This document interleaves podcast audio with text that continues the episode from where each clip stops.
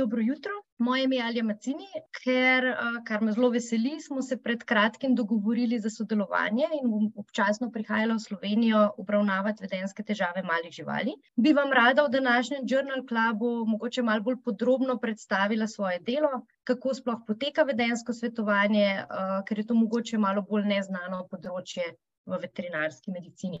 V današnjem Journal Clubu bi rada mogoče najprej sploh sebe predstavila, kdo sploh sem, kakšne so, oziroma katere so najpogostejše vedenske težave psov in mačk, vpliv telesnih obolenj na vedenje, kaj lahko storite vi kot lečeči veterinar v tem primeru, in pa kako poteka vedensko svetovanje. Najprej nekaj o meni. študirala sem veterino na Veterinarski fakulteti v Ljubljani. Med študijem in po študiju sem najprej začela z delom na, v Zavetišču Ljubljana Gmajnice, potem v veterinarski ambulanti Maks. Potem sem se odločila, nekje malo še razširiti znanje in sem se preselila v Nemčijo, v Nemčiji sem ostala nekje, mislim, da šest let. Tam sem delala na dveh večjih klinikah, in že tam v tem trenutku me je v bistvu dosti zanimalo dobrobit živali, sploh ta vpliv, kaj lahko naredimo kot veterinarji v v hospitalu, da pospešimo okrevanje, kaj, kaj lahko pripomoremo za dobrobit v sami veterinarski ambulanti. In zato sem se takrat odločila za, podiplomsko, podiplomsko izobraževanje, ki je bilo, v Nemčiji razpisano prvo leto takrat, to je bila vedenjska medicina malih živali za veterinarje preko Improve International. V letu dva tisoč šestnajst sem takrat tudi opravila izpit in pridobila dodatni naziv. In potem v bistvu šlo samo še v to smer, vedenja živali. Sprejeta sem bila na, Univerzo v Lincolnu, School of life sciences, kjer sem zaključila magisterij iz kliničnega vedenja malih živali z disertacijo Ocena impulzivnosti zavetiških psov s pomočjo Dias vprašalnika. Potem leta dva osemnajst, sem, začela z doktoratom na oddelku za dobrobit živali Veterinarske fakultete Univerze v Bernu, kjer, ja, to se, upam, bo zgodilo letos poleti, bom, zagovarjala svojo doktorsko disertacijo, Reward sensitivity in dogs, risk factor for addictive behaviour and key to trainability, kar v bistvu čisto na kratko pomeni, da gledam, če psi, ki so nori na žoge, nori na igro, ki jih je težko ustaviti v tem, če jih lahko klasificiramo kot vedenjske zasvojence. Zdaj naslednji korak, ki se začenja, ki se je v bistvu začel, z letošnjim letom, je, specializacija iz, vedenja malih živali, ki bo potekala oziroma poteka pod mentorstvom Maje Prem. Ona je, prva, specialistka, za vedenje malih živali v Švici.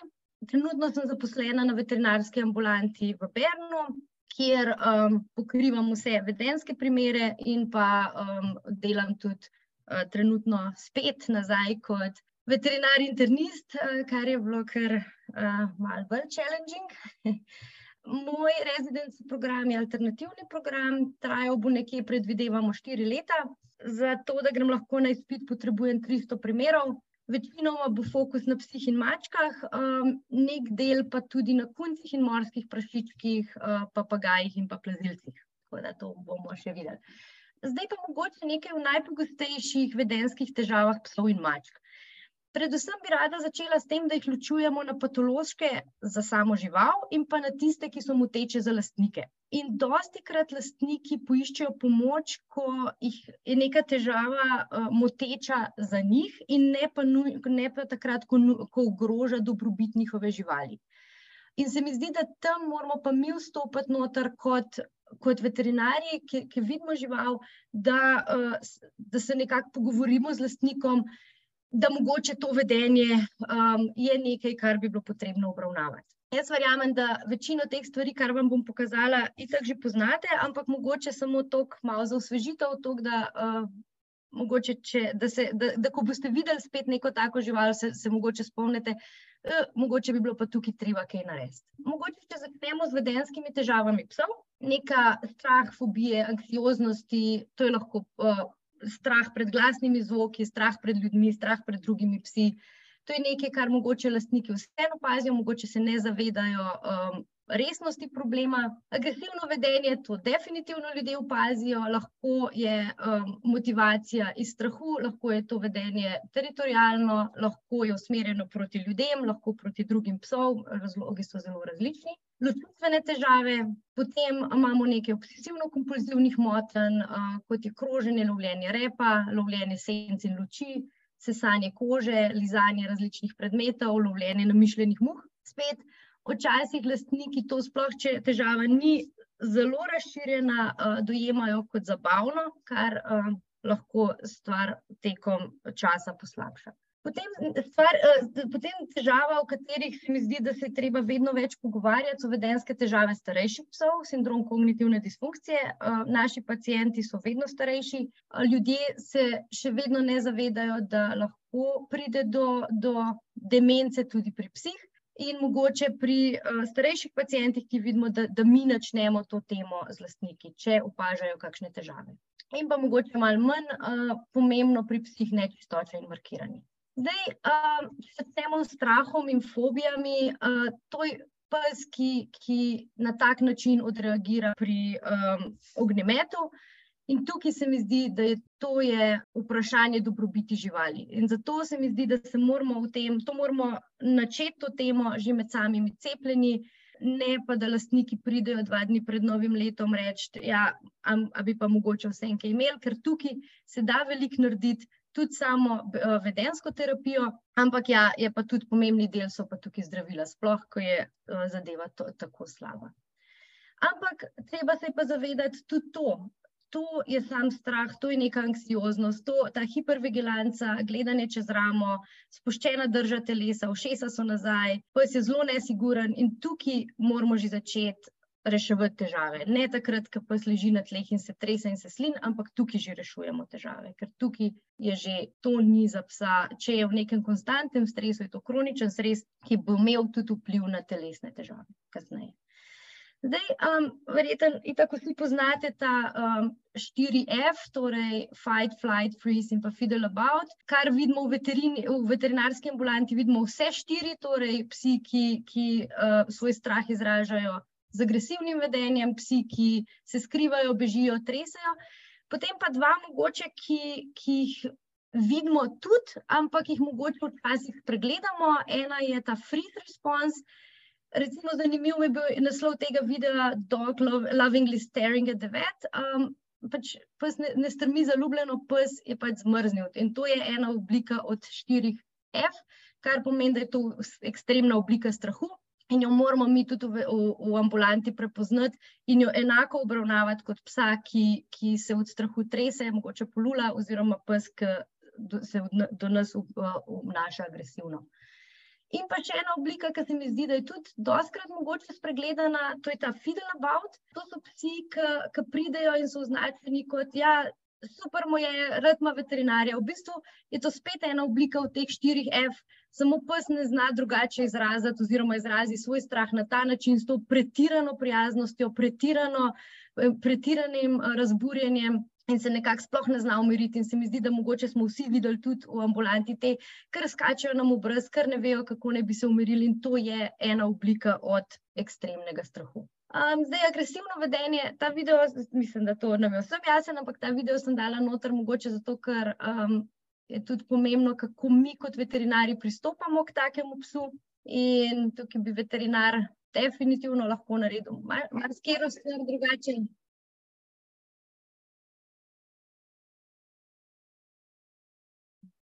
Tako, to je spet nekaj, kar um, bi bilo fajn začeti um, že veliko prej.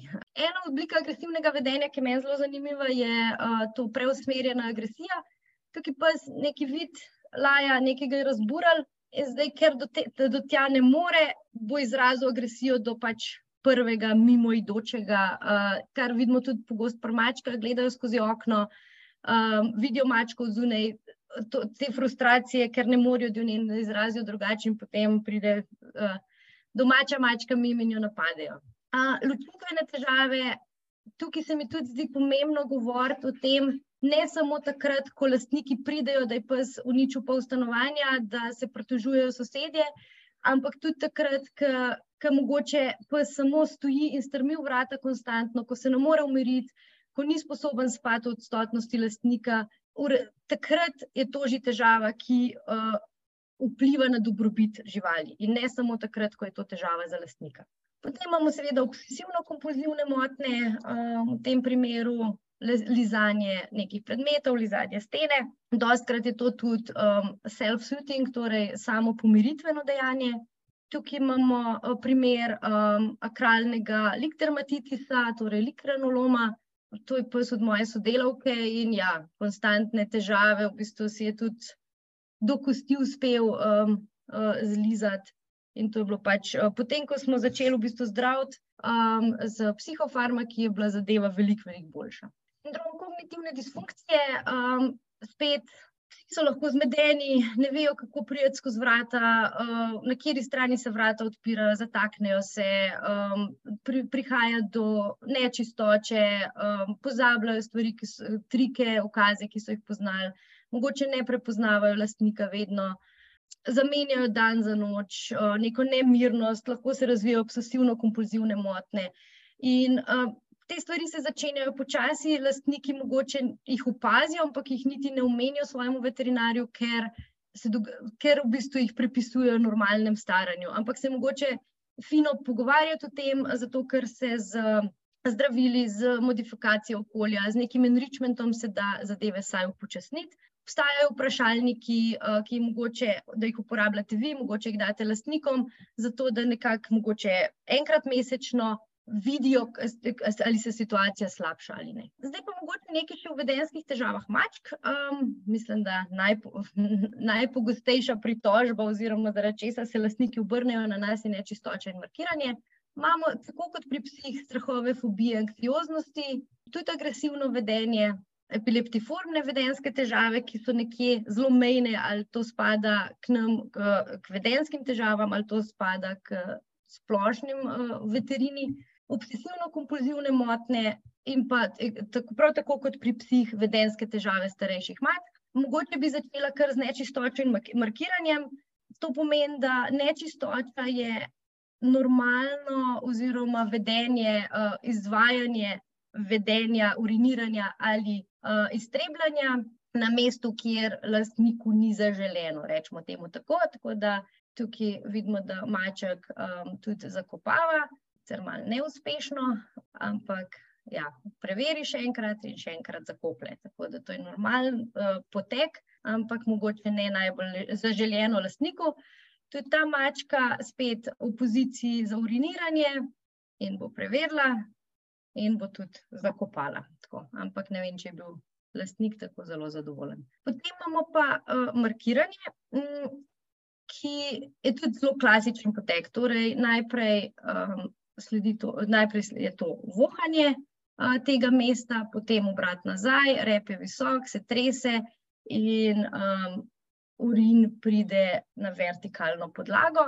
Lahko manjše, lahko večje količine urina um, markirajo tako mačke kot mački, kastrirani, sterilizirani, uh, ja ali ne. In v bistvu treba se zavedati, da je to normalna mačja komunikacija, Seveda, pri nekastriranih živalih je tega mogoče malo več, ker se izraža tudi eh, neko spolno vedenje. Drugače pa s tem mački eh, zelo veliko mačkov markira, ko so v nekem kroničnem stresu, ko jih je strah, pri prisotnosti bolečine. Eh, tako da tukaj se moramo vprašati, če se ljudje pritožujejo nad mačjim markiranjem, kakšne so težave zadaj, kaj nam mačka v tem primeru sporoča. To je normalno vedenje, ampak mačka poskuša na nek način komunicirati. Strahovi in fobije se mi zdi, da pri mačkah so neka težava, ki je premalkrat, se v njej premalkrat pogovarjamo, zato ker ta mačka razširjene zenice, hipervigilantna je, ampak ker se skriva, mogoče to za lastnika ne predstavlja težave. Ampak če to se mačka skrije pod postlo v nek kot vsakič, ko, ko dobimo obiske, je to nek kroničen stres in moramo tukaj nekaj narediti. To ni, ni dovolj, zato ker je ne moteča, jak se, se je skrila, je pa vse v redu. Ta mačka je v, nekem, uh, v neki anksioznosti, v nekem kroničnem stresu. Za agresivno vedenje sem zbrala video, ki mi je v bistvu fulj zanimiv. Zato, ker ta mačka, to je mačji mladič, ki pač piha, renči, uh, grize, praska, in v tem trenutku je veterinarju pač to smešen, ampak ta mačka bo v nekem trenutku imela verjetno 4-5 kg ali pa mogoče še več, takrat pa mislim, da bo zadeva malo manj smešna in tukaj moramo nekaj narediti, tukaj je čas, da nekaj v zvezi s tem naredimo. Zdaj pa še agresivno vedenje, ki jih potem načeloma mi vidimo kot um, pacijente z abscesom in z ranami in z drugimi težavami. Uh, Feline hiperestezijski sindrom, um, spet ena taka, ne vem, koliko to kaj vidite, ampak um, načeloma pa nas niso se ljudje toliko velikrat um, vem, uh, iskali rešitve, ampak to klasično grbančenje telesa, to skakanje preč od vira bolečine, um, obsesivno lizanje, mačke znajo biti v tem uh, trenutku tudi uh, zelo agresivne. Obsesivne kompulzivne motnje, to neko um, lizanje in, in sesanje um, dek, uh, kar pos, lahko postane tudi dodaten primer uh, oziroma problem, če to pride v piko in v bistvu požiranje teh predmetov. Sindrom kognitivne disfunkcije pri mačkah je to meni prvih simptomov in najbolj izraženih simptomov je ta vokalizacija. Lahko to traja celo noč, lahko to traja cel dan. Uh, je pa to, tudi druge stvari se poda, po, po, pojavljajo podobno kot pri psih, ampak vokalizacija je pa nek prvi in naj, najpogostejši simptom in tudi simptom, ki je najbolj moteč za lastnike. Mogoče nekaj zdaj vplivu telesnih obolenj na vedenje. Zmeraj se mi zdi, da ko, ko dobimo nekega, neko žival z vedenskimi težavami, moramo najprej iti na začetek in preveriti, če je mogoče pa telesno tudi kakšna težava. Ta video je, je naslovljen kot Cranky Dog Doesn't Want to Get Out of Bed. Ampak kar vidimo je vsakič, ko se lastnica približa telesu psa, razširjene zenice, pes, je agresiven, um, v bistvu laja, proba ugrizen, trenči. In, in tukaj se moramo vprašati, ali res samo krenki, ali ga nekaj boli, ali je mogoče prisotna demenca, kaj tukaj je neka težava zadaj za tem. Zdaj, kaj lahko storite vi kot lečeči veterinar? Uh, prva stvar, ko se nekdo oglasi z vedensko težavo, je temeljit kliničen pregled. Lahko kaj najdemo, kar je telesno narobe s psom. Rentgen, ultrazvok, krvne preiskave, uh, potem bistven del je vedno management in obladovanje bolečine. In če tukaj zdaj nič ne najdete, pa potem naprej napotitev k veterinskemu specialistu. Na univerzi v Lincolnu so delali uh, študijo um, svojih pacijentov, v bistvu, uh, in nekje pri 50 do skoraj 60 odstotkih njihovih uh, vedenskih kejsov uh, je bila prisotnost uh, neke bolečine oziroma nekega uh, telesne, telesne težave, da, um, ki je bila pač spregleda naprej. No? Da, um, zdaj, če, če boste mogoče napotili k meni, da, da začnemo, in če jaz vidim, da kar je mogoče meni včasih lažje, ker vi vidite mogoče pacijenta 15 minut, 20 minut, pol ure, jaz sem s pacijentom 2-3 ure vam ga bom poslala nazaj, da raziščete tukaj naprej, kaj je težava, da začnete z zdravljenjem fizičnih težav, potem pa spet lahko mi rešujemo vedenske težave. Kako sploh zgleda vedensko svetovanje? Začetno prvo srečanje, kar se trenutno smo se dogovorili, bo na kliniki za male živali veterinarske fakultete ali pa na domu, za, to je predvsem pride v poštev verjetno za mačke oziroma pse, ki jim bi uh, prihod na kliniko predstavljal prevelik stres, trenutno za Ljubljano in okolico to velja. Začetno srečanje traja nekje dve do tri ure, včasih smo bližji tudi tri ure, pa pol do štiri. Um, najprej lastniki dobijo zelo obsežen vprašalnik, je dolg nekje 12 strani, Zelo pomaga, če lahko nam pošljejo, oziroma mi pošljejo kakšne videe, fotografije vedenskih težav, seveda, če je to varno za vse upletene. Ali je nekje skozi pogovor in opazovanje zbrati vse pomembne informacije, je možno postaviti diagnozo ali pa vsaj diferencialne diagnoze, podam predloge glede managementa, glede enrichmenta, glede izvedbe praktičnih vaj, pogovorimo se o zdravilih. Na koncu jim napišem, v bistvu napišem poročilo za lastnika, in po želji tudi za lečečega veterinarja oziroma za pasjega trenerja, kako naj, naj nadaljujejo s terapijo. Potem nadaljni posveti, uh, spet ali na, klini, ali na kliniki KMŽ, ali na domu, ali pa prek, uh, sploh zato, ker sem še v Švici, preko uh, videa, preko Zuma, preko telefona, ker te trajajo nekje od 30 do 60 minut, to ni nevedno potrebno v živo. In po potrebi se dogovorimo za srečanje v različnih intervalih, sploh za, um, za primere, kjer um, predpišemo neke psihofarmake, da lahko žival spremljamo, ker um, terapija zdravili nekako cilj je, da, da jo tekom časa upuščamo.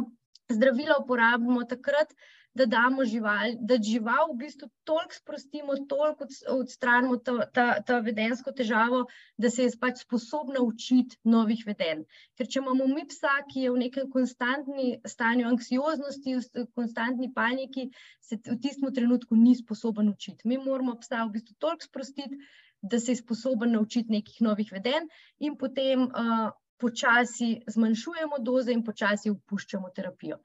Ni vedno možno, včasih, sploh pri kakšnih obsesivno-kompulzivnih motnjah, ki so zelo uh, izražene, um, to ustane terapija doživljenjska, ampak definitivno, če je pa le možno, je pa cilj terapijo opustiti. Zato pa pač rabimo ta srečanja, uh, da se ponovno dobivamo. Uh, moj kontakt trenutno je um, tole e-mail, naslov, kamor mi lahko pišete. Um, se pa trenutno dogovarjamo še za naslov uh, preko um, KMŽ-ja, oziroma veterinarske fakultete, tako da vam bom tudi sporočila, ko, ko bom imela tisti naslov, ampak v tem trenutku mi pa lahko pišete sem. Zdaj um, se mi zdi, da, da, da to je ena taka tema, v kateri se je verjetno tudi fajn pomeniti uh, v samem ceniku, koliko to zdaj, ker vas bojo ljudje, verjetno bo to eno prvih vprašanj. Prvo srečanje uh, je nekje okrog 260 evrov, uh, kar pride uh, tukaj noter, pregled vprašalnika, priprava na svetovanje. To meni vzame nekje od 45 minut do ene ure. Samo vedensko svetovanje, ki je nekje 2 do 3 urno srečanje, včasih več in pa potem poročilo, ki je tudi nekje dolgo, tam nekje, uh, trenutno sem nekje 8 do 10 strani dolgih poročilih, in to ne bi bilo ta, uh, kratko poročilo. Uh, Nadaljna srečanja pa nekje 60 evrov na uro. Kar se tiče dodatnih stroškov, je pač obisk na domu, kilometrina, ki se računa od klinike KMŽ. In pa, če želijo lastniki še doda, do, do, dodatno detaljno poročilo za ceno za živali, uh, ki pa pač z prinese noter še dodatne informacije, oziroma če se to pošilja potem naprej še veterinarju oziroma pasjemu trenerju. Zahvalila bi se vam za vašo pozornost. Uh, upam, da sem malo osvetlila, kako naj bi vse skupaj potekalo. Uh, bom pa vesela, seveda, če mi pišete, uh, če imate kakršno koli vprašanje, če vam lahko kakorkoli svetujem, oziroma, ja, ko pridem, če imate kakšne uh, vede, te, te, težavne pacijente za me. Hvala, da ste si vzeli čas, pa lep dan.